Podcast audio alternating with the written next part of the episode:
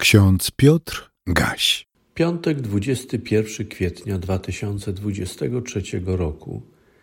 W porządku czytań z Biblią na co dzień hasło starotestamentowe na dzisiejszy dzień pochodzi z Księgi Wyjścia 20 rozdziału 16 wersetu. Nie mów fałszywego świadectwa przeciw bliźniemu swemu. W liście do Efezjan czwartym rozdziale, 29 wersecie znajdujemy hasło nowotestamentowe.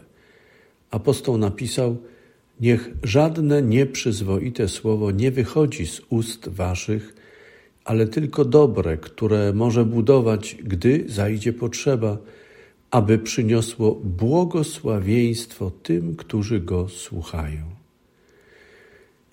Niestety fałszywe świadectwo miało i ma się nadal dobrze nie potrzebuje reanimacji, żyje i ma wielu zwolenników.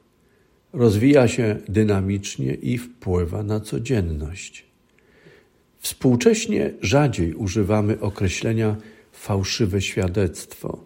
Częściej w naszym słowniku sięgamy po inne określenia, choćby takie jak dezinformacja, czyli celowo podana nieprawdziwa informacja albo manipulacja.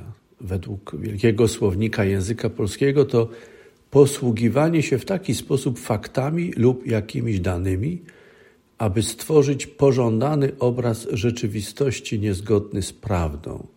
I drugie znaczenie pojęcia manipulacji wpływanie na poglądy lub działania jakichś osób w taki sposób, że nie są one tego świadome. Także w tego rodzaju działaniu jest obecny fałsz, nieprawda.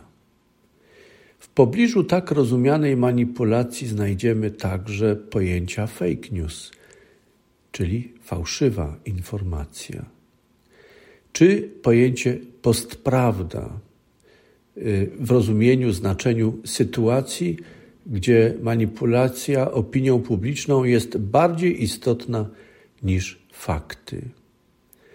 Marcin Luther w 1529 roku napisał w objaśnieniu do przekazania niemów fałszywego świadectwa takie oto słowa: Powinniśmy Boga bać się i kochać Go, abyśmy drugiego człowieka perfidnie nie okłamywali, nie zdradzali, nie plotkowali o nim, ani nie naruszali jego dobrego imienia, ale go bronili przed oskarżeniami Dobrze o nim mówili i wszystko zwracali ku dobremu.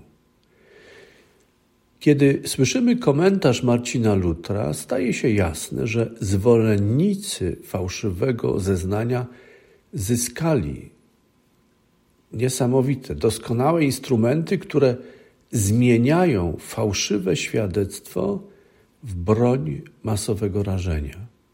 Ale kiedy słuchamy reformatora, trudno nie zauważyć, że nowoczesne technologie i narzędzia, które otrzymujemy do dyspozycji, możemy także i powinniśmy użyć, aby wypełniać Boże przykazanie. Nie mów fałszywego świadectwa. Przypomnę jeszcze raz słowa apostoła z listu do Efezjan. Niech żadne nieprzyzwoite słowo nie wychodzi z ust waszych, ale tylko dobre, które może budować, gdy zajdzie potrzeba, aby przyniosło błogosławieństwo tym, którzy go słuchają. Inaczej mówiąc, bądźcie siewcami dobrego słowa, inicjatorami wszelkiego dobra, opiekunami każdej dobrej sprawy.